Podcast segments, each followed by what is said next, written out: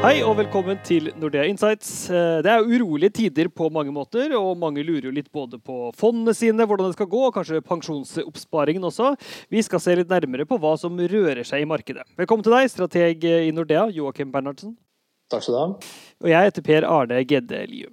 Ja, Joakim, eh, markedet har jo kommet litt opp igjen nå fra, fra en del av de fallene vi så tidligere.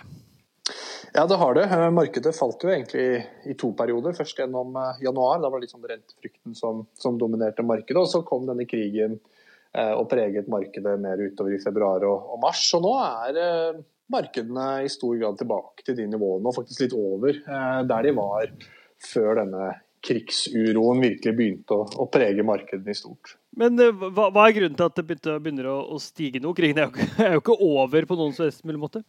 Nei, den er ikke over, og, og det har for så vidt ikke skjedd så mye. Vi får riktignok litt sånn signaler fra dag til dag om noen noe, noe forhandlinger og noen fredssamtaler, og så får vi vite dagen etter at uh, det ser ikke så lovende ut likevel. Så, så den pendelen svinger litt. Men dette er ganske sånn typisk sånn som vi ser rundt eh, geopolitiske konflikter. Eh, og, og, sånn som vi har sett ved andre kriger tidligere, er at når, når liksom ting eh, bryter ut og, og vi er i starten av en sånn krise, eh, så er det veldig mye usikkerhet. Vi vet ikke helt hvor dette ender. I dette tilfellet så var vi usikre på liksom gassleveranser, oljeleveranser, eh, hvordan dette ville ende, liksom, hvordan blir forholdet mellom Nato og Russland gjennom krigen osv. Det er veldig mange usikkerhetsmomenter. Men når ting liksom setter seg, og man får en litt mer sånn stabil situasjon, hvis man kan kalle det det Ja, det er fortsatt krig, men nå har vi på en måte fått ut veldig mange nyhetene. Vi er liksom Putin har rasla med atomknappen sin. og uh, Vi, vi liksom vet en del av disse effektene. og Da, da får man litt mer sånn Kvitter seg med litt av den usikkerheten som man står ved ved starten av uh, krisa. Og når usikkerheten avtar, så ser man ofte at markedet kommer tilbake. Så det holder egentlig at uh, det holder egentlig at nyhetene slutter å bli mer negative. Fortsatt er det negative nyheter, men de er ikke mer negative enn det vi har hørt. Og erfaringsmessig så kommer ofte markedet tilbake, og det, det er det jeg tror skjer litt nå. Men uh, kan, vi ta, kan, vi ta, for god fisk at de har kommet tilbake? Eller? For det, det, det, er jo fremdeles en litt usikker situasjon, så det kan jo fremdeles skje ting?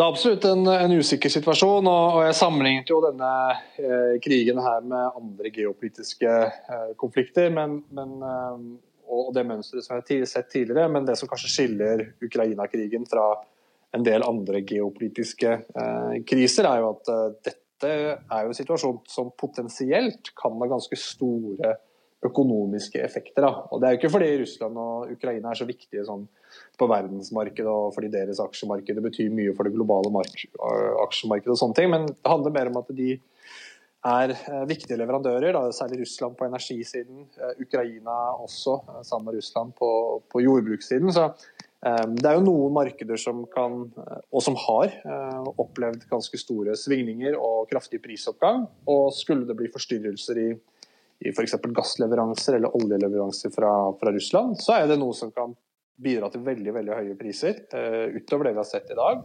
Til og med kanskje rasjonering, hvis man skulle stoppe liksom, gassleveransene til, til Europa. Så denne konflikten har noe mer ved seg ved at det potensielt kan gi store økonomiske konsekvenser. Så usikkerheten har avtatt, men den er fortsatt høyere enn den var før krigen. Mm. Og så litt annen sånn geopolitisk uro. Vi husker for noen år siden denne handelskrigen mellom Kina og USA. Nå har jo Kina på, altså, på sett og vis støtta Russland litt i den krigen her. Iallfall ikke gått på det, som en del av sanksjonene mot. Eh, er, det en, er, det en, trussel for markedet, f.eks.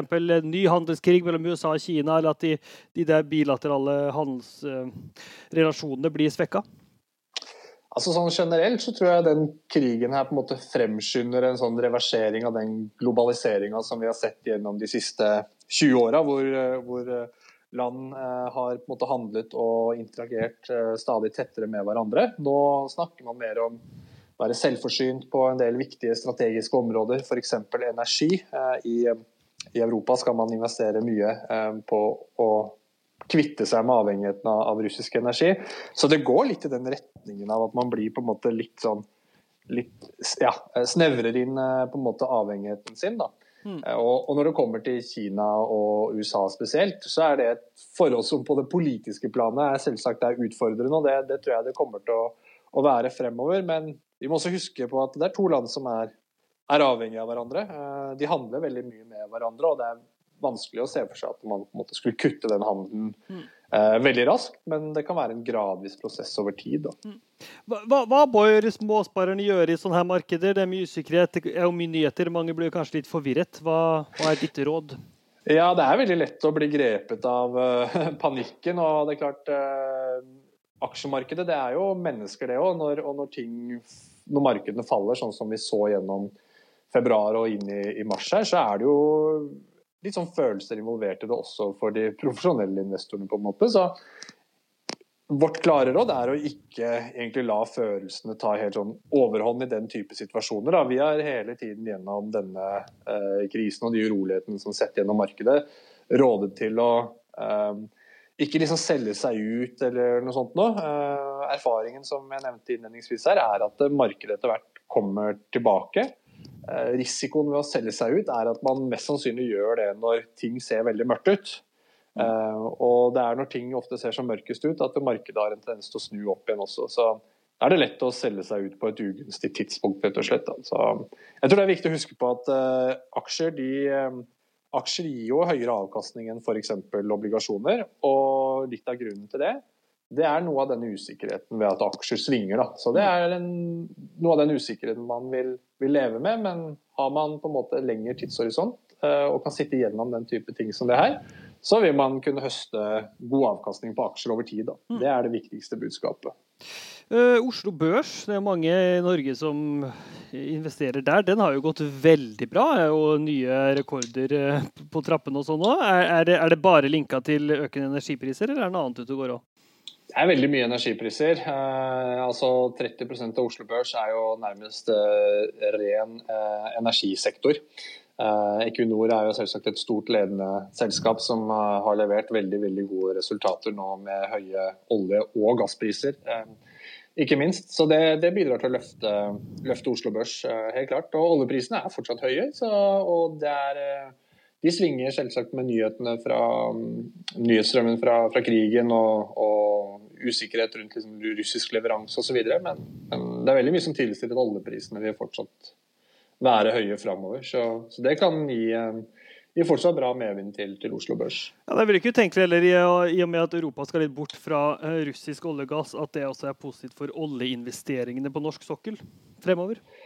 Ja, det er klart eh, Norge blir en, en viktig leverandør. Da, og Det gjelder jo energi generelt. Da, At Man mm. skal jo nå bytte seg fra en energikilde til en annen. så kommer til å være høyt trykk både på liksom fornybar, men også de mer fossile altså energikildene, i hvert fall en liten stund framover til. Da, mm. som, som, gir bra demand for, for, for norsk olje og gass. Mm.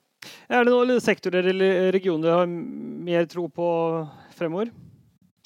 Ja, vi har, eh, vi har, tro på det amerikanske markedet. og Det er jo dels relatert til konflikten i, eh, i Ukraina. Altså Skulle krigen eh, eskalere det, Vi kjenner jo ikke helt utfallet av krigen, men om den skulle eskalere ytterligere, f.eks. For med forstyrrelse av disse gassleveransene som nevnt, så vil vi tro at det i større grad rammer Europa enn det gjør USA. Eh, og så syns vi liksom, det underliggende vekstpotensialet ser veldig bra ut i USA. Da. Eh, vi liker sektorsammensetningen i det amerikanske markedet. Det er jo en sektor som er tung på IT, tung på helse. Eh, det er også sektorer som vi tror kommer til å gjøre det bra i det klimaet vi er i nå. Det er sånn at det er høy kostnadsvekst. Veksten i verden, altså økonomisk vekst, har vært høy, men den vil avta noe fremover. Eh, og I et sånt klima så kommer man til å se etter ja, de store kvalitetsselskapene som vi finner innenfor IT, altså Microsoft, Apple, og også noe som også til, til, en viss grad kjennetegner helse. Så Det er, det er to, to, sektorer vi liker når man ser liksom på det globale markedet. Da. Takk skal du ha, Joakim. Jo, takk skal du ha. Og tusen takk til deg som hørte på. Du er selvfølgelig hjertelig velkommen tilbake ved en senere anledning.